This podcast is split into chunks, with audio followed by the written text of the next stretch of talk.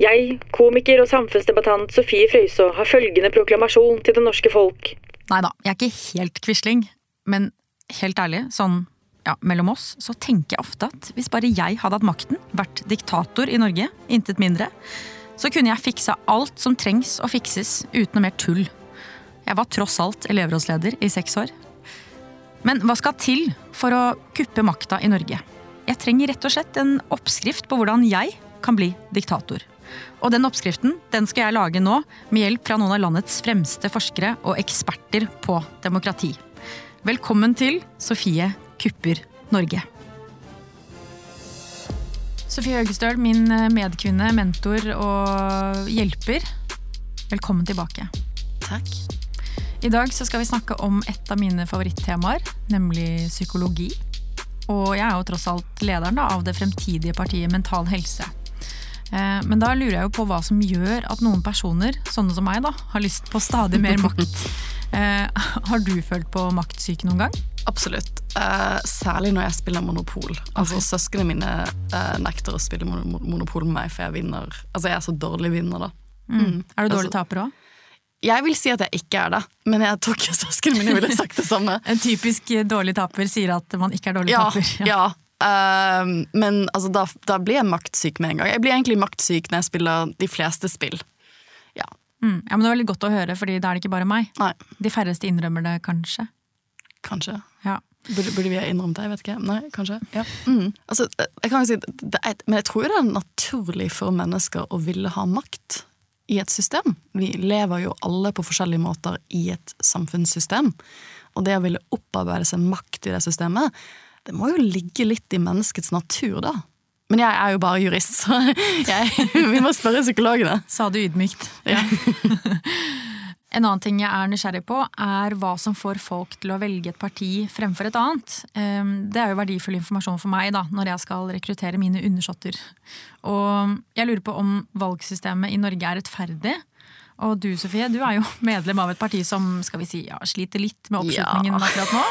Eh, og du er valgobservatør i den rekkefølgen. Syns du at valgsystemet i Norge er rettferdig? Ja, jeg er jo da altså medlem av partiet Venstre, og det er jo et sånn interessant spørsmål om hvorfor folk velger partier, og jeg gleder meg veldig til å høre hva ekspertene har å si om det. For min del så gjorde jeg noe så nerdete uh, som å lese alle partiprogrammene da jeg var sånn 16, uh, eh, og så var liksom Venstre det partiet jeg var mest enig i. Så du valgte parti som 16-åring? Ja. Mm. Mm. Og du har holdt deg der siden? Ja. det, de fleste velgere gjør jo ikke det, men jeg tror for mange som kommer inn i politikken, så er det ofte en sak, da. Mitt sånn uakademiske, personlige erfaring med partipolitikken er at man, det var en eller annen sak som, feng, som, som, ble viktig for deg, og så følte du at du ville engasjere deg eh, for å kjempe for den saken, og så, og så blir du medlem av politisk parti som kanskje brenner for den saken også. Så det, det, er et interessant spørsmål om du får den type svar, da. Eh, og om for eksempel da um, mental helse er jo eh, jeg tror et tema veldig mange bryr seg om. Uh, og, og, kanskje ikke noen av de andre partiene har vært like flinke altså De store partiene, tradisjonelle partiene har vært flinke nok til å løfte fram. Så det kan jo fort bli en, være en, en, type sak som mange vil føle at de har lyst til å engasjere seg i å jobbe for. Man håper jo det. Man håper jo det. Um, når du spør meg om valgsystemet i Norge er rettferdig, så er jo um, Jeg satt jo i valglovutvalget, som skal utrede ny norsk valglov. Selvfølgelig gjorde du det. Ja, uh, Og vi kom med vår, vårt forslag til ny norsk valglov i fjor, og den ligger fortsatt under behandling, og så skal Stortinget stemme over den i neste stortingsperiode, så kanskje til neste år, da. Um, og da satt jeg for partiet Venstre, for uh, man hadde nøytrale fageksperter, og så fikk alle partiene på Stortinget mulighet til å utnevne én ekspert hver. Uh, og jeg satt for, venstre, for, partiet Venstre, da. Så du ble eksperten? Uh, det, ja. Ja. ja. Du sa det liksom så casual. Jeg, hadde... jeg følte at det var veldig rart. Når jeg fikk den telefonen, jeg trodde det var spøk. Jeg. At, at, eh, med spørsmål om jeg ville sitte i dette utvalget. Det, var sånn, det er jo en drøm å få lov til å sitte og, og, og lage, tenke på hva en norsk valgordning burde være. Jeg tror det korte svaret er at valgordningen i Norge er rettferdig. Men så kan man jo ha diskusjoner om man burde endre og justere på mindre ting i valgordningen. Eksempel sperregrensen. Ikke sant? Ikke sant? For du har jo lyst til å lage et nytt parti Og da er sperregrensen din største fiende. For det sperregrensen gjør, er at hvis du ikke kommer over 4% så får du ikke være med på å kjempe om det man kaller for utjevningsmandater. Ja, og hva er det igjen? Jo, på Stortinget er det 169 plasser i dag, også kalt mandater. De fleste av disse er fordelt på de 19 valgdistriktene vi har. Hvert distrikt får ett antall mandater etter hvor mange som bor der og hvor stort areal distriktet har. Og partiene som får flest stemmer i distriktet, fordeler mandatene mellom seg. Men det blir ikke helt rettferdig, særlig ikke for de små partiene. For i et valgdistrikt som Sogn og Fjordane, eksempel, som bare har tre mandater, så må et parti få rundt 20% av stemmene for å få en av plassene på Stortinget. Og Det gjør at de minste partiene har vanskelig for å bli hørt i distriktene. Derfor har vi i tillegg 19 utjevningsmandater, ett fra hvert distrikt, og disse fordeles etter hvor mange stemmer partiet har fått totalt, altså på landsbasis. Eh, og det er her sperregrensen kommer inn, for partiet må ha fått minst 4 av stemmene for å kunne være med på å konkurrere om utjevningsmandater.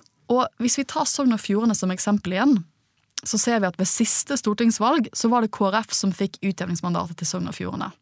KrF kom akkurat over sperregrensen med 4,2 av stemmene nasjonalt, så de karret seg så vidt over. Det gjorde for så vidt også Venstre. Og endte opp med åtte mandater på Stortinget til sammen. Mens Miljøpartiet De Grønne på den andre siden havnet under sperregrensen med 3,2% og fikk dermed ingen utjevningsmandater. Mm. Og Hvis vi ser på partier som Venstre og KrF, så er det da ganske viktig å komme seg over sperregrensen. For det betyr at eh, Venstre, for eksempel, hvis de bare skulle hatt direktemandater ved forrige stortingsvalg, så ville de bare fått direktemandat i Oslo, to stykker. Mm. Så ville de fått ett direktemandat i Akershus, og så ville de fått ett i eh, Hordaland. That's mm. it. Men fordi at de kom over sperregrensen, så fikk de en del flere, for de fikk utjevningsmandater. Mm -hmm. Og det samme med KrF. Men fordi at Miljøpartiet De Grønne falt under sperregrensen, så fikk de bare et eneste stortingsmandat. De fikk et direkte mandat i Oslo. Og det var akkurat det samme for partiet Rødt. Mm. Så det betyr at du kan jo tenke på det slik at for de to stortingsrepresentantene fra Rødt og Miljøpartiet De Grønne, så er det de som har flest stemmer bak seg av, av noen stortingsrepresentanter. da. For de blir jo de eneste som representerer alle de velgerne som stemte på dem. Um, og fordi at Venstre og KrF kom over sperregrensen, og Rødt og Miljøpartiet De Grønne ikke gjorde det, så fikk man faktisk borgerlig flertall på Stortinget, og Erna Solberg ble statsminister. For det, man, eller det jeg tror vi ikke trekker frem så ofte, det er at hvis man bare hadde telt stemmer, så fikk faktisk de rød-grønne partiene flere stemmer enn de borgerlige partiene under siste valg. Mm -hmm. Men for det at eh, stemmene til Miljøpartiet De Grønne og Rødt ikke teller like mye, da, kan man si, fordi at de ikke kommer over 4 og ikke får lov til å være med på utjevningsmandater, så ble det borgerlig flertall på Stortinget. Ikke sant. Ja. Så lett var det. Ja. Men da skal det jo faktisk så lite til, da. Ja, og det er jo derfor man ser at uh, de siste stortingsvalgene så har det jo vært mye fokus på hvem som kommer over og under sperregrensen. Mm. For det er ofte de som avgjør hvilken side som får flertall. Ja, Men takk, dette var en veldig god forklaring. Eh, det må jeg si. Jeg skjønte det nå, faktisk. Ja. For første gang. Det er komplisert, altså. Ja, Det er heftig nerd-oppsett, liksom.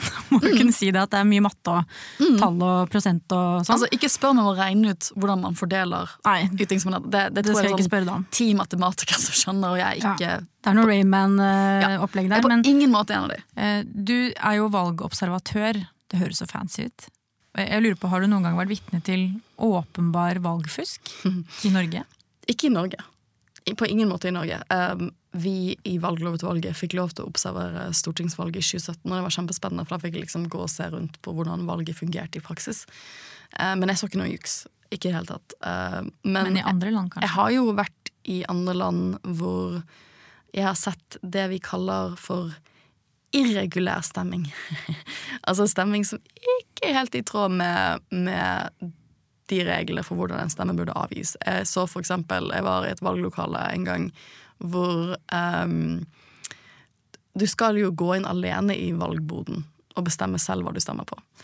Uh, og akkurat i dette stedet her, så uh, valg, uh, Dette valglokalet her, så så jeg nesten utelukkende bare menn som gikk inn med kona deres som de skulle stemme, og stemte for konen sin. Oi. Fylte ut stemmeseddelen for henne. Hvor var du hen da? Det har jeg ikke lyst til å si. Nei.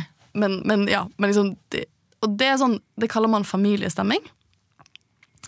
Og det er jo ikke, ikke, ikke sånn vi vil at folk skal stemme. For da gir du egentlig en dobbeltstemme til mannen i husholdningen.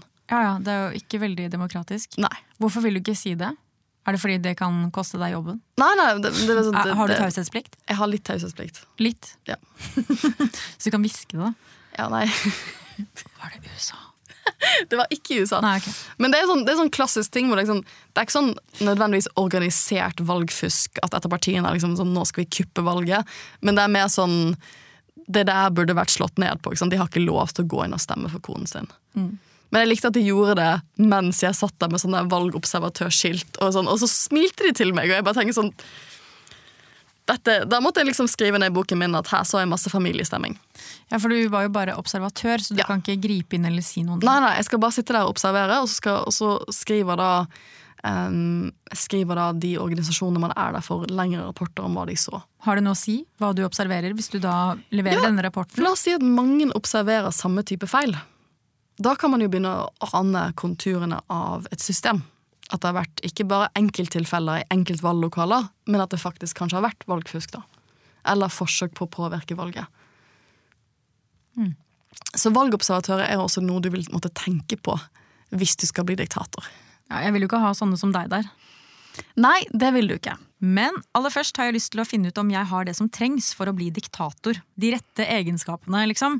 Så jeg skal snakke med Sigrun Marie Moss. Hun er førsteamanuensis ved Psykologisk institutt ved Universitetet i Oslo, og hun har faktisk forsket på diktatorer. Perfekt. Ja. Kan jeg få en sånn um, tryllelyd som gjør at jeg bare blir transportert rett inn i en samtale med henne? Er det mulig? Velkommen hit, Sigrun. Du, jeg er veldig nysgjerrig på dette med personlighetstrekk hos en god leder. Hvilke personlighetstrekk snakker vi om da? Så Det er jo et veldig interessant spørsmål som jeg skal være sånn typisk politikertype og liksom omdefinere. For veldig mye forskning på politisk ledelse fokuserer nettopp på personlighetstrikkene, hvem er liksom individet. Eh, Men innenfor den retningen av ledelsesforskning som eh, vi holder på med i, eller noen holder på med innenfor sosialpsykologien og politisk psykologi, er mer fokusert på hvis vi tenker hva er en god leder, da, så tenker vi ofte på ledelse som påvirkning. Eh, og, og da gå inn i liksom hva er, hva er det som gjør en leder effektiv? Og da knytter vi det opp mot dette med identitet. Sånn at istedenfor å fokusere på trekkene ved en leder, så ser vi da på hvordan effektive ledere da, klarer å posisjonere seg selv i forhold til følgerne inn i en felles overordnet sosial identitet. Oi. Hvis du klarer å opptre som en litt sånn identitetsentreprenør i ledelsesgamet, da, så ser man da mer effektiv ledelse. På Ja. godt og vondt. Avhengig av hvilke prosjekter man har. Ja, eh, du sa identi eh, identitetsentreprenør. Eh, Det var et ganske vanskelig ord. Kan du gi et eksempel på hva det kan være? Så for nå i covid kan vi jo tenke på Erna Solberg som på en måte identitetsentreprenør, eller regjeringen som identitetsentreprenører, på hvordan de har prøvd å bruke det norske i å få alle oss med på det felles prosjektet, og da bekjempe, nedslå, smitte. De har snakket om vi er norske og vi går opp fjell, på fjellturer, og dette er vi vant til, vi må gå langsomt ned igjen. Og bruke ganske mange sånne fellesbetegnelser rundt hvem er vi, da. Mm, og det er er om- bevisst. Ja, jeg vil, jeg vil tenke at det er bevisst at man snakker om tilliten i det norske folk som viktigere enn oljefondet, for nå liksom klarer vi å stå sammen om dette. At man oppfordrer nesten litt sånn nasjonalromantisk til hva er det i det norske som gjør at vi nå skal klare dette sammen. Og hvor da det blir veldig tydelig med utgruppa, som ikke er med, da. Som da ikke har lyst til å være med på dugnaden, som ikke gikk med munnbind når vi skulle det, som ikke lot være å dra til utlandet når vi skulle la være å dra, osv. Mm, som ikke ville være med på prosjektet. Ja, som streika på dugnaden. Hvor vi ofte ikke er så tilgivende, da. Overfor de som ikke har lyst til å være med på vårt felles prosjekt. Hva tenker du om det? Altså jeg tenker at Det er veldig naturlig at det er litt sånn vi, vi reagerer. Vi ser ganske overraskende ofte sterke effekter i, i psykologisk forskning på hva skjer med deg når du går fra å se på noe som en, andre mennesker til at man blir en felles inngruppe. Da. Eh, hvis du støtter dette fotballaget og ikke dette fotballaget. Man er mer villig til å hjelpe andre som er supportere av samme lag som en. Man er mer villig, man husker mer positiv informasjon om dem. Vi setter stolene våre nærmere dem. Vi har ganske mange sånne kognitive og emosjonelle og atferdsmessige ting da, vi inngår i når vi holder på med inngruppa vår i mm. forhold til hva vi holder på med utgruppa vår. Som mm. sikkert har vært ganske adaptivt eh, med å knytte oss nærmere de vi trengte å samarbeide med osv. Um, men så kan det jo da i konfliktsituasjoner bikke over til at vi ikke bare liker disse folka bedre, men at vi også da aktivt um, ødelegger for eller diskriminerer mot utgruppa når man først kommer i en situasjon hvor man føler seg trua. da. Mm. Jeg har jo en plan om å kuppe Norge. Og da er det jo helt åpenbart at jeg må finne min gruppe. Mm. De som eh, ja, jeg kan representere, og som, som, føler at jeg representerer dem. At vi har et felles prosjekt. Mm. Hvordan skal jeg gå fram da for å finne denne gruppa? Der tenker jeg nok at hvis man da ønsker sant, å fremme dette partiet og kuppe Norge, så må man både vite noe om hva vil jeg, da. Fordi mm. det vil være veldig mange ulike oppfatninger der ute. Hva vil jeg, og hvordan skal jeg klare å på en måte fremstille dette fellese vi, sånn at jeg snakker til et kollektivt vi for å få det med på mitt prosjekt. Sånn som mange vil si at Donald Trump var ekstremt god på i USA, selv om man kan være uenig i en del andre ting. Um, han benyttet seg av momentumet. Ja, og han skjønte hva folk etterspurte. Mm. Han skjønte noe om hvilke levde liv veldig mange hadde. Hvor, hvor neglisjert veldig mange følte seg. Og han klarte da å snakke til det. Og det som da ligger i dette teoretiske rammeverket med sånn sosial identitetsteori av ledelse, er dette med at for å være mest mulig effektiv som leder når du skal nå ut og kuppe Norge, mm. så må du både da um, ha dette prosjektet og prøve å få folk med på det, men du må også da prøve å male fram deg selv som det mest prototypiske gruppemedlemmet for den gruppa. Ja. Og han klarte da fantastisk um, å male fram seg selv som den prototypiske amerikaner. Altså ikke typisk, men prototypisk mm. amerikaner. Og klarte samtidig å male fram Hillary Clinton som den prototypiske politiker. Og lagde da en kjempestor avstand mellom seg selv og henne. Og det er veldig ironisk at han klarte å lage seg selv som den prototypiske amerikaner, hvis man ser på hvordan han lever og hvilke forutsetninger han har og osv. Men den fremstillingen da, av den kontrasten, og hvem som da er den rette til å snakke deres sak, mm. de glemte menn og kvinner, og hvor han da klarte å male fram noe som har blitt omtalt innenfor sosialpsykologien som the politics of hope. Fordi han snakket til hvordan han skulle liksom lage verden bedre da, for mm. disse folka. We're gonna make America great again. Vi skal ja. gjenreise oss til der vi skulle ha vært. Sånn at hvis man klarer å ta pulsen på hva skjer i Norge nå, hva er det folk går og savner? Hva er liksom saker som folk liksom, som man ville ha fått folk til å brenne for? da? Og så klarer å posisjonere sånn fellesskap rundt det, og så gjøre deg selv Sofie, jeg er liksom prototypen av dette. Da kjører vi, hva? Ja, dette er gode nyheter for meg, fordi min eh, hjertesak er jo mental helse. Ja. Og jeg vil tro at det er mange der ute som eh, tenker at er det noe som haster, ja. så er det å få, få den eh, mentale helsa i befolkningen bedre. Ja. Og da må jeg åpenbart vise til at er det noen som kan gjøre det, mm. så er det meg. Mm. Jeg er prototypen. Mm. Mm. Du er prototypen for å håndtere det. Mm. Altså Få folk med på hvorfor dette er en viktig sak. da. Hvorfor er dette et viktig prosjekt? Hva er på en måte fiendene, interne eller eksterne, som ikke håndterer dette på en god måte? Og hvor du har da disse alternative planene på å fikse det. Ja, Det er jeg som har skjønt det. Ja. Mm. Når vi snakker om store ledere, så er det jo naturlig å tenke, eller kanskje ha en fordom hvert fall, om at de er maktsyke. Mm -hmm. Er det bare noe vi sier, eller er det en tilstand? Å være maktsyk? Altså, det er jo eh, ganske mange eksempler på at, eh, at man på en måte har blitt påvirka, da. At man kanskje har kommet fra et reelt, veldig genuint godt sted. At man har eh, frihetsforkjempere som virkelig har liksom stått på krava i tiår for å fremme en annen situasjon i sine land og som begynner med å være idealistiske, dyktige ledere. Eh, og som da etter hvert begynner å, å orkestrere da, situasjonen sånn at jeg bare blir her, jeg. jeg, jeg dette er egentlig min plass, jeg bare blir her. Og så er det da noe argumentasjon i forhold til denne skuta synker uten meg. Jeg er faktisk, og da genuint eller ikke genuint, jeg ønsker det beste for landet mitt. Jeg vil ikke gå av denne skuta før den er trygt i havn. Da vil jeg gå av. Eh, Kagame i Rwanda han har den type argumentasjon hvor han mener at dette er ikke stabilt nok. Jeg er en veldig vesentlig figur for dette landet. Eh, uten meg så synker denne skuta. Det får man jo ikke sett i praksis, for han går jo ikke av, så man vet jo ikke om den skuta ville ha sunket. Eh, og man har jo en del eksempler også um, i Eritrea, i Zimbabwe osv., hvor man har nettopp kommet fra sånne barbeinte frihetshelter, da. Som mm. har blitt noe annet i prosessen. Ja, og Hvordan kan man se forskjell på om man er maktsyk eller om man faktisk ønsker det beste for landet? da? Det er jo kanskje litt sånn at de styrer skuta på grunn også? Altså eh, jeg tror nok kanskje i en del tilfeller at det er litt Eh, litt forskjellige prosesser som, som, foregår. For hvis du da kommer i en situasjon hvor opposisjon blir skummelt, da Nå kjører jeg dette prosjektet liksom totalt, en litt sånn autokratisk ledelsesstil som er jeg definerer identitet, jeg definerer prosjekt. Avvikere må forlate landet, avvikere mister hodet. Eh, opposisjon blir utrolig kostbart. Så er det jo da også klart at eh, du etter hvert, og det, gjorde, det så man jo også tendenser med Donald Trump, er folk uenige så blir de borte.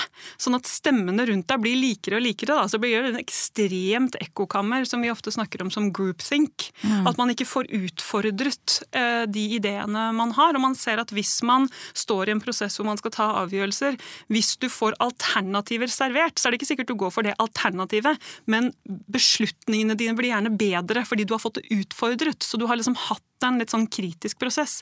Hvis de kritiske røstene blir borte, så kan det jo hende at du faktisk genuint tenker at du er det beste for landet. Fordi du får jo aldri høre noe annet mm. enn at det du holder på med, er liksom the thing.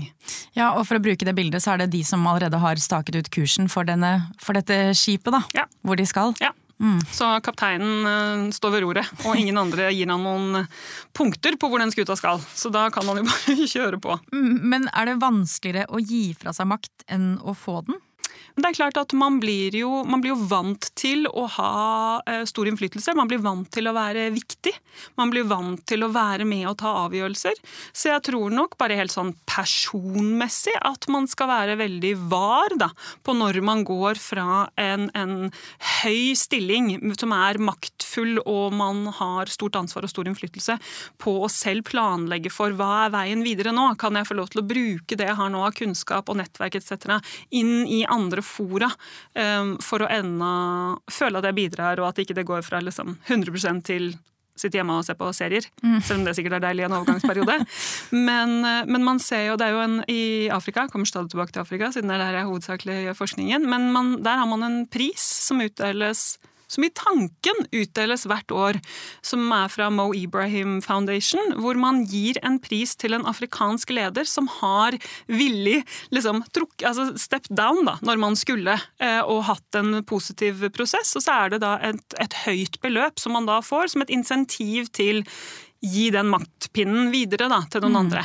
Eh, la oss si det sånn at det er ganske mange år den ikke blir utdelt. Ja. Fordi det ikke er noen å ta av. Og det sier jo igjen noe om disse strukturene.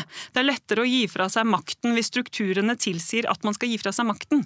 Hvis det da er situasjoner hvor det blir svært vanskelig å fjerne folk, da, mm. så blir det kanskje også potensielt sett lettere å bare bli sittende. Men det er jo litt spesielt at du til og med må bli belønnet for å gå av. Ja. Må, det må være en pris å få for at du skal gi fra deg den makten. Ja, altså jeg tror veldig Mange av de som gir fra seg den makten og så får denne prisen i etterkant, de ville ha gått uansett. Ja. Eh, fordi det er da mange land, også i Afrika, hvor man har de strukturene på plass. Mm. Jeg har jo bodd eh, halvannet år i Uganda, ja. og eh, jeg bodde der da det skulle avholdes valg. Ja, det var veldig interessant, mm. -hmm. for det var jo ikke noe informasjon om opposisjonen. Det var Museveni som ja, ja. skulle vinne igjen. Ja. Nok en gang. Jeg vet ikke hvor lenge han har sittet nå. Ja. Nei, lenge. Mm. Veldig lenge. Så det, han får ikke den prisen med det første. Nei, han får ikke den prisen med det første. Hvis han plutselig hadde bestemt seg for å gå av um, Jeg er ikke helt sikker på hvilke spesifikke ting som er stipulert i den eh, prisen, men, men det er klart uh, det er jo muligheter der også, men det ser jo ikke sånn helt sannsynlig ut med det første. da. Han vil ikke gi fra seg det, det palasset. Nei. Jeg lurer på, Hvor mye har frykt å si for å opprettholde makt? Altså, jeg tror det er liksom viktig, Hvis man snakker om øh, diktatorer og autokratier, og sånn, så tror jeg det er viktig å understreke at veldig mange diktatorer er faktisk veldig høyt elsket. Altså, de, de, de har, I en del land så har jo de veldig mye oppslutning. Um, sånn at det er på en måte noe å ha med seg at Eh, hvilke politiske prosjekter er det de, de, setter i gang, og hva slags konsekvenser får det for lokalbefolkningen? Hvis man f.eks. ser på Rwanda, hvor mange vil omtale um, Kagame, presidenten, som diktator. Men mange vil også tenke at han faktisk har en høy oppslutning i befolkningen. Eh, fordi at det er mye tryggere, man har høy økonomisk vekst, mange av de politiske prosjektene på en måte fungerer, man har en fæl, veldig nær historie. Eh, sånn at i den settingen så er kanskje ikke et demokrati, særlig i en situasjon hvor du har én gruppe som har, mange, altså som har majoriteten av befolkningen, og en mindre gruppe som da, eller to mindre grupper som ikke har majoriteten, hadde demokrati egentlig vært liksom en god struktur. Ja. Og så har man disse stedene hvor det, det er ikke den måten man holder på makta. Man holder ikke på makta ved å være populær. Man holder på makta f.eks. via frykta. Mm. Vi gjorde en, eh, jeg gjorde en studie i Sudan eh, i 2012, hvor jeg spurte Der hadde man jo da forrige sittende regime, eh, og hvor alle jeg da intervjuet, var veldig overrasket og, og, på en måte gikk inn i diskusjon med seg selv. Hvordan er dette mulig? Dette var, da, var da et relativt uh, upopulært regime, hvor man kanskje estimerte at de hadde 10% oppslutning i befolkningen. Hvordan har de klart å sitte i da nærmere 30 år? De ble jo styrtet nå i 2019 og hvor de trakk fram dette med sikkerhet. Så en, nettopp en sånn fryktsituasjon, at du hadde sterke sikkerhetsorganer som arresterte folk, folk ble borte, det var bred bruk av terror da, eh, på å, å gjøre opposisjon veldig kostbart. Mm. Um, at du har en mediedekning som er veldig ensidig, så du vet egentlig ikke hva alle andre føler. Selv om ikke du kanskje kjøper narrativen i media, så vet du ikke om folk er enige eller uenige i det narrativet. Og sånne divide and rule policies, hvor grupper settes da opp mot hverandre istedenfor å kunne forenes mot eh, det regimet og styrte regimet. Eh, og der var også dette med å ha et veldig forvirrende, uklart system, noe mange trakk fram. Fordi de skjønte ikke helt hva som foregikk. De skjønte mm. ikke hvor kommer disse forskjellige innskrenkninger fra. Hvem er det som egentlig får fordeler? Hvem er det som er for og imot her?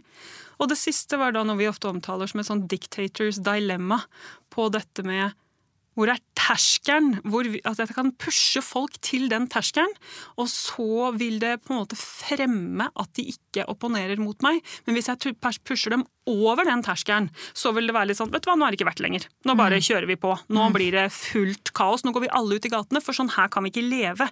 Så nå gjør du livet vårt så vanskelig at nå er det bare verdt det å mm. være der ute i gatene hvor vi kan bli skutt. Og, og det var da det som skjedde i Sudan i opptrappingen til den revolusjonen de hadde nå, det var at det blei for dyrt å kjøpe brød. Det går ikke. Mm. Og det kan man kanskje trekke en litt sånn underlig parallell til Norge på pandemihåndteringen, på dette med hytta. Det var det første stedet da i koronahåndteringen hvor man fikk en sånn backlash, da, hvor folk begynte å opponere. Og Bent Høie, Monica Mæland og Erna Solberg sto på fire-fem pressekonferanser og sa hvis dere ikke drar hjem fra de hyttene nå, så må vi gjøre dette ikke til en anbefaling, men en regel. Vi har ikke noe lyst til det, kan dere ikke bare dra hjem fra hytta? Mm. Men det gjorde jo ikke nordmenn. Det var jo nesten påsketid. Vi vil ikke hjem fra hytta. Så mange gjorde jo ikke det. Så nettopp hvor langt kan vi pushe før folk begynner å være sånn det, det, det, det der vil jeg ikke være med på. Det mhm. funker ikke for oss. Og det er jo da um, iblandet da i disse andre kontekstene en sånn uh, fryktkultur. Uh, så kommer man da også, ser man i en del situasjoner i alle fall, til et sånt punkt hvor jeg er redd, men det går ikke lenger. Ja, Det er jo fascinerende hvordan de i Sudan ikke hadde råd til brød, mens i Norge så var det at vi ikke fikk dra på hytta. Ja. Det er jo ja, det er, en liten kontrast. Det er en liten kontrast, men jeg tenker at det sier noe om på en måte hvem vi er i hjertene våre. Når begynner du å forstyrre det som gjør at jeg er hjert hjertet mitt er norsk. Og der er den derre ferietid, hyttetid, og også fordi det var ulogisk. Jeg tror mange oppfatta at men jeg er jo en mindre smittebelastning hvis jeg sitter til fjells og spiller yatzy og spiser Kvikk Lunsj, mm. enn om jeg er i en travel oppgang på Vålerenga. da. Sånn at det var også noe med liksom argumentasjonen man ikke mm. var helt med på. Så er det jo typisk norsk å spise Kvikk Lunsj og spille yatzy. Og gå på ski. Og, og gå på ski. Ja. Mm. Men da jeg bodde i Uganda, mm. så la jeg merke til at det var bilder av president Museveni overalt. Mm. Altså på kjøpesentre, eh, selv på det lokale treningssenteret. Og da tenkte jeg ofte sånn hm, det, det gjør vi ikke i Norge. Nei. Kunne det vært en idé for meg å, å begynne med det? Henge opp bilder av meg på Sats Elixia, Rema 1000, bussen. Ja, det, det syns jeg bare du skal gjøre. Jeg tenker Det hadde vært helt strålende. Kunne du spilt inn sånne lydbeskjeder som Raymond Johansen har hatt litt Ja. her i Oslo? Sånn Husk å ha en fin dag, dere. Pass på hverandre. Husk nå er mental helse det vi fremmer her sammen. Vi er et fellesskap. Og med masse bilder av deg. Kjør på. Ja, ikke sant? Og det, for da sprer det seg Ja da. i alle arenaer. I alle arenaer. Da vil man i hvert fall huske på hvem du er, da. Men eh, når vi snakker om store ledere, så må jeg bare spørre, hjelper det å være eksentrisk som leder? Eh, noen ganger kan man jo fremstå, som mer useriøs. Eh, andre ganger så kan det jo fungere fordi man nettopp blir en litt sånn gjenkjennelig karakteristikk. Og i, eh, i veldig mange tilfeller så kan det nok også være tendenser til at det brukes ganske planlagt og aktivt som en potensiell distraksjon fra de politiske prosjektene denne lederen egentlig prøver å gjennomføre på. Da. Så hvis det blir fokus på andre ting man gjør Donald Trump var jo ekspert på å få fokus over på veldig spesielle, underlige tweets og ja, sånne ting. Og det har jo vært flere eh, ute og advart mot det fokuset hans sprell da, har fått i forhold til de mer underliggende langsgående politiske prosjektene som han har, eh, som han har forsøkt å gjennomføre på, fordi det var der faren lå.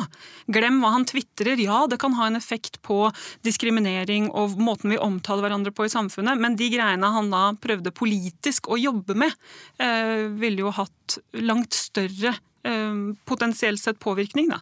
Så man skal nok også passe på at hvis noen holder på sånn, at man holder også øynene godt festet på hva er det som gjennomføres. da. Hva er det han vil oppnå? Ja. Ja. da gjenstår det bare å si tusen takk for at du kom hit, Sigrun. Veldig hyggelig å få komme. Jeg ønsker deg lykke til med å kuppe landet. Takk. Jeg har din støtte, har jeg det? Ja, ja, absolutt. Åh. Første stemme. Åh, nydelig. Takk. Ja, Som Sigrun sa, så kan det være en fordel å være en litt eksentrisk diktator. Og da passer det bra at jeg har laget en rangering over de seks mest særegne lederne som jeg vil la meg inspirere av. På plass nummer fem, Mobutu, tidligere president i Zaire, som nå heter Den demokratiske republikken Kongo, som jo er ganske ironisk, siden det ikke er så veldig demokratisk. Mobutu Sese Seko Kuku Nbenga Wasa Banga, som for det første sannsynligvis ikke uttales sånn, og for det andre var et navn han ga seg selv, aka den allmektige krigeren som av sin utholdenhet og ubøyelige vilje til å vinne, går fra seier til seier og etterlater flammer i sin vake. Og dette er faktisk tilfeldigvis også det Frøysaa betyr. Han byttet navn på landet til Zaire, og nye navn er en viktig del av å være diktator, kan det virke som, men i dette tilfellet var ikke det så dumt. Navnebyttet var for å kutte båndene til kolonimakten i Europa. I tillegg påla han befolkningen å adoptere zairiske navn, og forbød dem å gå i vestlige dresser. Og det støtter han i. Mobutu var mest kjent for alltid å gå med en tullete leopardpelshatt. Det er en vanskelig hatt å forklare, men den ser ut som om noen har satt opp et telt på hodet hans. Eh, Og nevnte jeg at den er av leopardpels. Noen glamper på hodet hans. Ja, utenom det gjorde han mye jævlig, dessverre. Han var 25 år gammel da han giftet seg med 14 år gamle Marie Antoinette. Ja, jeg sa 14 år, og ja, jeg sa Marie Antoinette. Andre gang han giftet seg, var det med elskerinnen sin, som var ei gammel røy på 35, eh, til sammenligning, da bryllupet sto. Han fikk eh, fire barn med henne, men også tre barn med tvillingsøstera hennes. Ja, nå er det mulig at eh, det ikke var hans feil, det kan ha vært en motsatt parent trap-greie, for alt vi vet, men han hadde en forkjærlighet for tortur, drap, bestikking av meningsmotstandere, korrupsjon og nepotisme, og han stjal minst 34 milliarder kroner fra statskassa, annet for å dra på shopping i Paris. As you do. For at jeg skal bli en så effektiv diktator som mulig, så trenger jeg å vite mer om hvordan nordmenn stemmer. Sånn at jeg vet hva jeg bør fokusere på når jeg starter mitt eget parti. Så jeg har tatt en prat med Jørgen Bølstad. Han er førsteamanuensis i statsvitenskap ved Universitetet i Oslo, og han forsker på velgeratferd. Velkommen hit, Jørgen. Jeg syns det er veldig interessant, for dette er jo du ekspert på, altså hvordan folk velger ut det partiet de vil stemme på.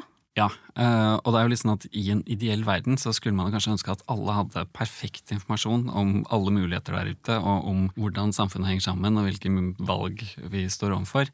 Og så har jo forskningen på dette her vært igjennom noen trinn. Altså På 50-60-tallet så startet statsviterne med å prøve å finne ut hva vet egentlig folk om politikk. Og så fikk de et lite sjokk da de fant ut at eh, folk vet veldig lite om hvordan det politiske systemet fungerer. Altså Hvis du spør de folk ting som hvor mange representanter er det i parlamentet, eller hvem er finansminister, så er det en veldig stor andel av folk som ikke klarer å svare. Så da ble jo forskerne veldig redde og tenkte at her, her har vi et stort problem.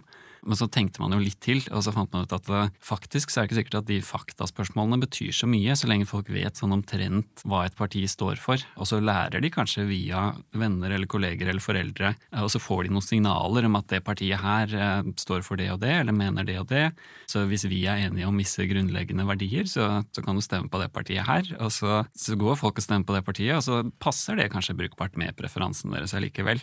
Så da har man på en måte tenkt at ja, ja, folk vet ikke så veldig mye, men de gjør brukbare valg allikevel, basert på sånne snarveier da, som man kan uh, bruke. Men så er det klart at uh, dette her er jo ikke helt optimalt. Og det betyr jo altså at det politiske systemet er litt sårbart. fordi at uh, hvis folk egentlig ikke følger noe særlig med, ikke vet helt hva som skjer, men lener seg på ganske sånn overfladiske, kanskje noen overskrifter her og der og, og sånne ting, så kan man jo også ganske lett la seg forlede. Og det, her er det jo nærliggende å tenke på USA og, og Donald Trump f.eks., som demonstrerte at man kan gjøre det veldig godt som politiker ved å lyve systematisk om igjen og om igjen over tid, uten å egentlig bli avslørt av store mengder av velgerne. Så det er liksom, Folk vet, vet ikke så veldig mye. De kan fortsatt gjøre brukbare politiske valg, eh, men det gjør oss også veldig sårbare. Jeg lurer på hvordan eh, velger voksne versus unge partier, f.eks. når det kommer til eh, enkeltsak versus da ideologi, f.eks.? Det er nok en tendens til at yngre kanskje er mer fokusert på enkeltsaker, og også mer, litt mer idealistiske og opptatt av miljø og, og omfordeling og sånne ting.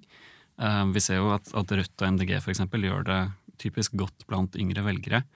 Um, mens litt eldre velgere, da, hvis det er det vi skal kalle dem, uh, kanskje i litt større grad vil gå for tradisjonelle styringspartier som Ap eller Høyre. Du nevnte dette med hvor informerte vi er når vi tar et uh, valg. Altså, Hvor mye vet mannen og dama i gata om de ulike partiene? Her er det selvfølgelig veldig store forskjeller blant velgerne og, og det vi kan kalle la oss si, P2-segmentet og Paradise Hotel-segmentet. uh, så vi kan ikke si liksom, at det er ett generelt nivå. Uh, det er nok store forskjeller. Og så er det jo et paradoks her, at de som skifter oftest, ikke nødvendigvis er de som vet mest. Og en viss fare her er jo f.eks. at uh, når vi ser endringer i opinionen, så er de som lett skifter fra høyre til venstresiden og tilbake igjen, er jo kanskje de som ikke nødvendigvis føler så veldig godt med, men som akkurat får med seg nok til å bli litt sinte på statsministeren akkurat nå, eller på Senterpartiet eller på Ap. Så det er jo en fare for at det, det signalet for å si det sånn, fra velgerne ikke nødvendigvis drives av de som følger aller mest med. Hva tenker du er den største svakheten ved valgsystemet i Norge? Altså, I utgangspunktet så er det et, et veldig godt valgsystem. Altså, jeg vil jo si at det er ganske rettferdig, og det gir også en ganske god representasjon, et godt fungerende system. Og det er klart at i år så er det jo da fire partier som vi ikke er sikre på om havner over eller under sperregrensen. Og hvis alle skulle havne under, så er det altså nesten 16% av stemmene som da kanskje vil være bortkasta fordi at det ikke blir omsatt i mandater. Så mange vil jo synes at det kanskje er litt uh, urettferdig. Ja, for hvis man får høre at eh, stemmen er bortkasta, det føles jo ikke så veldig demokratisk, det? Nei, blir du liksom det, ikke hørt. Det er litt kjedelig. Eh, så hvis man stemmer på et parti som kanskje kommer under sperregrensen, så har man på en måte gamblet litt på at eh, partiet skal komme over. Og, hvis det ikke lykkes, så, så føles det nok litt bortkasta. Ja, nå har faktisk Sofie Høgestøl nettopp forklart meg hvordan sperregrensa fungerer, og den gjør jo at det blir ekstra vanskelig for små partier å komme inn på Stortinget. Men hvorfor vil vi ikke ha dem der? Det handler jo om at det politiske systemet er jo en måte å aggregere preferanser på. Altså Vi må til slutt komme frem til vedtak hvor mange må kompromisse på de meningene de har, for ingen vil bli helt fornøyde. Og én måte er å ha litt store partier, altså gjør man en del av kompromissene innad i hvert parti, i stedet for å da ha masse småpartier som må kompromisse på Stortinget eller eventuelt i regjering. Eh, for problemet er at det kan bli veldig vanskelig å samordne hvis man har masse, masse forskjellige små partier som er uenige, og som har bitte litt makt, og som skal prøve å ja, kompromisse seg fram til, eh, til, et felles vedtak. Da. Men altså, Hvor vanskelig er det å bygge støtte hvis jeg skal starte et nytt parti? Det er helt klart vanskelig. Nå har vi jo noen partier som sitter på Stortinget som vi hører om hele tiden. Men så har vi faktisk eh, masse andre bitte små partier som vi nesten aldri hører om. Som for eksempel Ja, altså Tidligere så var jo Kystpartiet et parti som fikk inn et mandat av og til. Sånn sett et av de større småpartiene. Eh, og så finnes det mye nisjepartier der ute som gjerne har enkeltsaker. altså Enten det er noe med religion eller skatt eller eh, innvandring. Og så er det klart at det, eh, det tar tid å bygge et suksessfullt parti. En ting er at man må bygge opp en partiorganisasjon, og så må man jo prøve å utvikle et partiprogram som er troverdig på flere felter, og ikke bare være sånn ensaksparti. Og så må man jo klare å ha, få gjennomslag i mediene og får litt oppmerksomhet, sånn at velgerne vet at man finnes. Og så til slutt er det jo da sånn at sperregrensen straffer jo de små partiene, så ideelt sett så burde man jo være der at man er en troverdig kandidat til å komme over sperregrensen for å virkelig klare å overbevise de velgerne som ikke vil kaste bort stemmene sine. Et nytt parti som har kommet til nå, er jo partiet Sentrum, som eh, ja, har fått ganske god medieoppmerksomhet. Hva tenker du er sannsynligheten for at de kommer over sperregrensa? Den ser ut til å være veldig lav. Altså De tallene jeg har sett, tyder vel på at de har under en halv prosent oppslutning. Eh, og det gjør det også veldig vanskelig å vite hvor nær null den er, men den er veldig lav.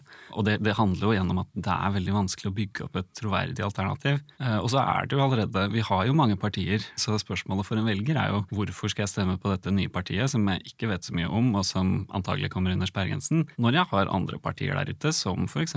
KrF eller Ap eller SV, som kanskje har litt lignende synspunkter. Mm, som tjener samme formålet? Ja. Ja, Og det er jo ikke så veldig motiverende å høre at en stemme er bortkastet heller. Er det noe av grunnen til at folk stemmer såkalt taktisk? Ja, det er jo et slags element av taktisk stemmegivning i dette her. Og det er også noe jeg har forsket på, at velgere vil jo kanskje prøve å stemme taktisk og ikke kaste bort stemmene. Og så tilpasser man jo gjerne også sine egne meninger, sånn at man venner seg til at man stemmer på de partiene man stemmer på. Og så tenker man etter hvert kanskje ikke på det som taktisk stemmegivning lenger, fordi at da har man på en måte vent seg til at dette er mitt parti. Mm. Um, så det er klart, det er en, en samvirkning mellom partisystemet og og valgsystemet og velgerne, hvor velgerne etter hvert venner seg til å stemme på de store partiene. En ting jeg lurer veldig på, er hva tenker du er den raskeste veien til makten i Norge? Ja, jeg tenker, jeg vil jo starte med å melde meg inn i et ungdomsparti. Og aller helst et parti som har en moderorganisasjon som kan komme inn i regjering og så helst bli leder i det ungdomspartiet. Det er ikke sikkert det er så lett, men hvis man klarer å kjempe seg frem til den posisjonen, så vet vi at man også har god sjanse for å bli leder i moderpartiet senere. Og hvis det partiet da havner i regjering, så har man en veldig god sjanse til å bli minister. Og hvis det er Høyre eller Ap man har meldt seg inn i, så blir man jo kanskje statsminister sånn med tid og stunder. Men det er jo litt seint for meg, da. Ja, og for mange av oss så kommer kanskje den erkjennelsen litt for sent. At man burde jo egentlig ha vært med i et ungdomsparti da man var litt yngre, hvis, hvis målet var å bli statsminister. Og sånn sett så er det jo kanskje en fordel å, å komme fra en familie som har litt politisk engasjement og litt uh, innsikt i hvordan eh, systemet fungerer, og, og, som har en slags tro på at det er verdt å engasjere seg, og at det går an å endre samfunnet ved å ta del i politiske partier. Var som pokker da, at ikke moren min har vært statsminister, eller eh, i hvert fall vært aktiv i politikken. da. Nå er det jo litt seint for meg å dra på sommerleir, føler jeg. Jeg tror eh, den tida er forbi. Ja, men, men, hvis jeg kan skyte inn, så er det klart at eh, veldig mange ledere av ungdomspartier er, er ganske godt voksne mennesker. Så er, sånn sett er det jo kanskje ikke helt for sent, hvis du bare Nei. opptrer litt uh, som om du er litt ung og, og sniker deg inn. Prøver å levele med kidsa. ja. Så jeg er rett og slett eh, litt for freidig som starter et eget parti, heller enn å gå inn i et allerede etablert parti, mener du? Ja, litt lite taktisk, kanskje. Ja. Det er jo mye lettere å bruke andres organisasjon enn å lage sin egen. Da kan du bare gå inn og, og få en del gratis. Men hvis jeg likevel da skulle starte et nytt parti, hva burde jeg fokusere på? Ja, altså, En viktig ting er at du må fylle en slags nisje. Du må finne noe som de eksisterende partiene ikke helt dekker på en tilfredsstillende måte, sånn at velgerne tenker eh, her, her kommer du og fyller et behov. Altså, Det må på en måte være en etterspørsel etter det du skal tilby, for å si det enkelt. Det er jo helt perfekt, for jeg skal jo da starte et mental helseparti. Og ja. det er det behov for òg. Jeg vil vel si nisjete nok. Det er absolutt nisjete, eh, så da må du egentlig bare ha Det må være nok etterspørsel, så du må håpe at det er nok velgere der ute som føler at dette er noe som mangler i den norske partifloraen. Jeg tror du at det er tilfellet? Det er fare for at det er litt smalt, men eh, Hva? Den mentale helsa er jo alt Det er jo på en måte livets paraply, vil jeg si. Ja, det kan godt hende at det lykkes. Men det er klart, altså som nevnt, MDG er jo kanskje det partiet som nå mest nylig har lykkes i å egentlig fokusere på, la oss si, én sak, og så kan man argumentere for at miljøet liksom er den store, altomspennende saken i, i, vår tid. Så spørsmålet er på en måte, har du en sak som kan måle seg med det? Uh, det kan hende, men uh, ja, vi får se. Da regner jeg med at du kommer til å stemme på meg ved neste valg, Jørgen? Det, det tør jeg ikke si så mye om, men uh, vi får se. Ja, men tusen takk for at du kom. Bare hyggelig. Sofie Høgestøl, jeg vil som vanlig bli hørt i hva jeg har lært. Orakel Høgestøl, du har forberedt en quiz. Oh yes, det har jeg. er du klar? Eh, ja. Eh, og da er det akkurat samme som sist. Jeg har fem små spørsmål til deg. Dung, dun. Og det første spørsmålet da er hva kaller man det i psykologien når en leder former sin egen gruppe i befolkningen? Nei! Gruppementalitet. Lederentreprenørskap. Nei. Eh, altså, det jeg var på ute etter, er identitetsentreprenørskap. Ja, det var nesten. Uh, det er langt ord. Eh, ja. Ok, Vi går rett videre på spørsmål to. Hva er en utgruppe? En utgruppe er de andre enn kjernegruppen. Som du da uh, henvender deg til som leder. Ah, så bra! Det er en gruppe du ikke identifiserer deg med. Ja. Nydelig. Full pott. Tre. Hva er Dictators Dilemma? En ny serie på Netflix som kommer til høsten. Jeg har ikke noe bedre. Nei, ok. Det er at man må balansere på grensen mellom strenge tiltak, men ikke så strenge at det fører til opprør. Ja. Så man må være liksom litt jernhånd, men ikke sånn kvelende jernhånd, sånn at folk kaster deg. Mm. Ja. Ok, vi går videre. Spørsmål nummer fire. Hvor stor oppslutning må man ha for å komme over sperregrensen? 4 Amazing! Nydelig. Ok. Spørsmål fem. Hvor mange utjevningsmandater er det? 19. Ta-da! Nydelig. Altså, jeg tenker at du nok en gang fikk tre ut av fem, og at det nok en gang er bestått. Gratulerer. Ja. Kan jeg få et utjevningsmandat også? Altså, Da må du komme over 4 Ja. Du holder jo på med en oppskrift på hvordan du skal kuppe Norge. Hvordan skal du ta med deg alt det du har lært i dag, inn i denne oppskriften din? Jeg tenker at det er spesielt interessant med dette med gruppeidentitet. At jeg må eh, definere og rekruttere en bestemt velgergruppe. Og så må jeg, sist men ikke minst, definere hva det vil si å være norsk. Intet mindre. Intet mindre. Altså, det er jo de store spørsmålene. Altså, det, har du tenkt å stille opp i en Facebook-post i bunad med litt brunost? Ja, kanskje det. Kanskje? Nei, Eh, det. Nei, det er så old news. Jeg må gjøre noe nytt. du må gjøre noe nytt. Ja, Vi finner noe sånn TikTok-dans du kan gjøre Ikke sant. om norskhet. Nå er du god. Takk. Nå føler jeg at jeg er veldig hip med kidsa. Mm. Er da ikke på TikTok selv.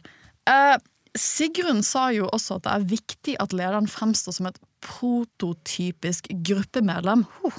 Altså at velgerne tenker at du på en eller annen måte representerer dem og livene deres. Har du da riktig lederimage, føler du? Altså, jeg føler jo det selv, i all ydmykhet, men jeg er jo faktisk litt usikker på om det stemmer, om jeg har god nok selvinnsikt. Da. Og derfor har jeg faktisk bedt om råd fra deg, Sigbjørn Aanes. Velkommen. Tusen takk. Sigbjørn, du er partner i First House, tidligere kommunikasjonssjef i Høyre og tidligere statssekretær ved statsministerens kontor. Var du en slags eh, spinndoktor? Mye kalt spinndoktor eller væskebærer. Hva foretrekker du? Nei, altså, Spinndoktor er jo ikke alle like begrep, men jeg syns jo det er litt sånn mors... Det, det føles jo hakket bedre å være spinndoktor enn væskebærer. Ja. Ja. Mm, litt mer profesjonelt. Ja, altså s- er jeg en bedre spinndoktor enn væskebærer. Ja, men du må gjøre begge deler. Ja, altså, jeg fikk ikke gjøre så mye av det siste, fordi at jeg er, jeg er ekstremt distré. Eh, sånn at det å, det å overlate noe så viktig som ei veske med ofte viktige ting til meg, det, det gjorde man ikke med lett hjerte, nei. Men du var altså med på å bygge opp imaget til Erna Solberg, og bidro til at folk begynte å tenke at ja, hun kan bli en god statsminister. Og dette er kunnskap jeg trenger, så hvordan går jeg fram for å bygge mitt politiske image? For det første så er det, det er, det er maraton og ikke spurt. Og det er et grundig arbeid. Eh, Det viktigste er at du kan ikke ha et tilfeldig forhold til det. Du kan ikke bare basere det på følelser og eh, innfall eh, fra dag til dag. Du, du må ha grundige analyser. Du må ha, legge en langsiktig plan. Du må tørre å holde deg til den eh, selv om det også butter litt imot. Eh, Og så må du ha tålmodighet. Hvordan vet du da hva man skal fokusere på? Hvordan går du fram da? de fleste av oss har jo noen utprega sterke egenskaper. Eh, og så er det jo veldig viktig at de sterke egenskapene også blir oppfatta som noe som er bra, noe som er positivt. Og det er ikke nødvendigvis sånn. For å ta et veldig konkret eksempel. Erna sitt rotete hjem. Mm. Det har jo fått oppmerksomhet. Hvordan eh, gikk du fram da for å gjøre det til noe sånn positivt og hyggelig? Eh, jeg må bare ærlig innrømme at jeg har ikke Jeg har fått æra mange ganger for noen av disse tingene, men jeg har ikke gjort uh, noe for å fortjene det. Dette er bare sånn Erna Solberg er. What you see is what you get. Dette var et, dette var et intervju i magasinet Dagbladet fra 2013 som hjemme fra Erna, hvor det var ja, det var rotete. Og det var taxfree spritflaske. Altså det, og jeg har jo vært der hjemme noen ganger, og det, det er nå som det er. Det, Erna bruker ikke energi på det hun ikke trenger å bruke energi på, som mm. rydding. Så, så, så, så, den lager seg sjøl. Grunnen til at den blir interessant, er jo fordi at nå er det nok litt endra etter Erna har vært partileder lenge i Høyre, men, men bildet av Høyre som et slags rikmannsparti, eller for de som er så ordentlige og perleøredobber og alt sånt, det er jo langt fra Erna Solberg. Og, og dette bildet Vi kunne snakke så mye om at nei, men vi er ikke sånn, men du blir ikke trodd på. Og så kom bildene hjemme fra Erna, og da var liksom diskusjonen var over. Mm. Og det, det, Da kommer det uttrykket at et bilde som er mer enn 1000 ord, kommer, kommer godt til rette. Hva slags eh, ting kan man jobbe med for å gjøre et bedre inntrykk på folk? Eh, humøret ditt. ja. det var ikke personlig ment. Altså. Nei. Nei eh, men, men, men, men, det handler jo bare ofte om å være et hyggelig og raust menneske når, i møte med, med, folk. Det som er vanskelig når du er partileder, er jo at du, du må jo være så forbanna hyggelig også når du er i skikkelig dårlig humør. Altså mm. når dagen har gått ordentlig skeis. Fordi at du, du, du, kan ikke du kan ikke tillate deg å, å, å, ta ut en frustrasjon. Da, da, bør man ha sånne som meg som den kan gå utover, for du kan jo ikke gjøre det med vanlige folk. Så, så det handler jo bare om å være eh, hyggelig og høflig og, og litt raus. Ja, intet mindre. Det, det var gullrekka si. Det hørtes jo veldig lett ut. Men altså, for å kaste ut en brannfakkel her. Eh, sosiale medier har jo blitt et viktig verktøy også for politikere. Og du har jo fått gleden av å gå gjennom min Instagram-profil. Og da lurer jeg veldig på, er det noe jeg burde gjøre eller endre på der som hadde vært bra for min fremtidige politiske karriere? Det er nok ikke sikkert at du hadde appellert til den brede delen av befolkninga eh, med imaget ditt på sosiale medier. Du treffer nok mer en nisje om enn en nisje som kunne ha blitt ganske stor når du, når, du, når du, skal treffe bredt, så er det jo liksom det er skole, og det er helse og det er samferdsel. Jeg klarer ikke å huske at du var innom samferdsel, og det er Nei. fryktelig viktig for folk. at det liksom et landsmøte uten krangel om samferdsel, det er utenkelig, tror jeg, i noen store partier. Ja. Men sånn mitt image, da, eh, som, som eh, en partileder, hvordan tror du jeg stiller meg der? Eh, du har en ganske utprega feministisk eh, profil. Den kommer til å provosere opp en del, eh, en del gretne gamle gubber. Mm. Altså, jeg ville jo ha tenkt et 15-årsperspektiv av det. Ja. Og, og, det som er interessant, er at av og til så må man jo det jeg sier, sprenge seg inn i debatten for å være en av de interessante. Og man kan ikke starte som en moderat grå midt på, på treet kjedelig. Men det er klart man blir jo kanskje mer, mer moderat med, med årene. Eh, så, så, eh, hvis du hadde lagt et lengre løp, så mener jeg at det å, det å tørre, å, tørre, å ha en sånn profil, snakk om feminisme, ikke hadde vært galt nå. Mm. Jeg jobber jo som komiker. Mm. Hvordan tenker du at man kan bruke humor inn i jobben som politiker? Ja, altså Det er et utrolig godt utgangspunkt. Ja, du syns det? Ja. Um, det, det, det, er utvilsomt et godt utgangspunkt. Altså, humor er så viktig så mange ganger, fordi det er Av og til så kan du fendre vanskelige saker med humor. Mm. På en måte du ikke kan hvis du skal begynne å gå substansielt inn. For hvis du først begynner å gå substansielt inn igjen, så, så må du liksom følge opp og svare. Og, uh, så humor, det kommer godt med. Du spurte innledningsvis om dette med, med godt inntrykk og møte folk og sånn, og humor er jo en av de beste måtene. Eh, Så, så, så humor i politikken er veldig bra. Se på Vedumen. Nå er det jo ikke humor, det er jo bare latteren. Ja. Men allikevel. Det er mye humør, i hvert fall. Humør. Ja. Ja. Men, men eh, fordi, ja, det kan være avvæpnende, og man kan si mye på kort tid liksom, med en punchline. Men sånn Erna, er hun synes, Det er jo ikke så mye humor der, eller? Nei, Erna har jo en veldig sånn eh, røff humor. Å ja.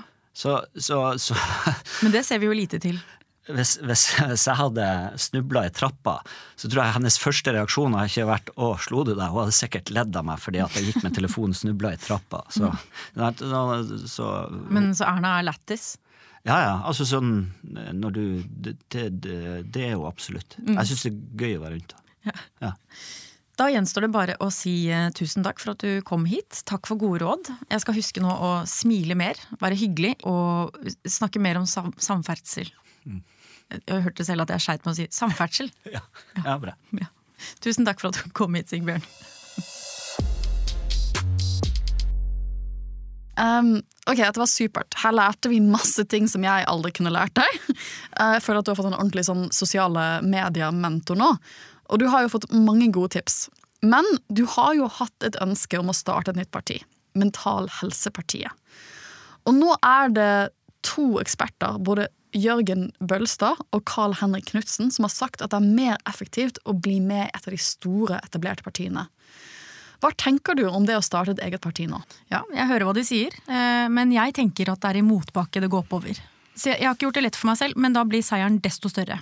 Men jeg vil gjerne snakke med noen som faktisk har vært gjennom det og har noen konkrete tips. Dette med å starte et nytt parti, da. Så neste gang har jeg avtalt å snakke med Simen Bondevik, som har vært med å starte det nye partiet Sentrum, og som nå er leder for deres ungdomsparti. Det er jo kjempekul, for eh, Simen har jo vært med i et tradisjonelt parti før, KrF, og nå er han med i et nytt parti. Så han kan jo alt om partipolitikken. Ja, Om hvordan det er å starte fra null. Eh, Starting from the bottom, now we're here. Now we're here. Ikke sant? Ja. Ja. Det blir fint. Mm, takk for nå, da. Ha det. På gjensyn. Denne podkasten fra Universitetet i Oslo er produsert av både og ved Stian Letessier. Programleder er Sofie Frøysaa, produsent Hanna Kanon Klingberg. På research Sivert Isaksen Wart. Klippere er Olav Nedberget og Joakim Sandvik. Og ansvarlig redaktør ved Universitetet i Oslo er Arild Blomkvist. Les mer på uio.no skråstrek Sofie Kupper Norge.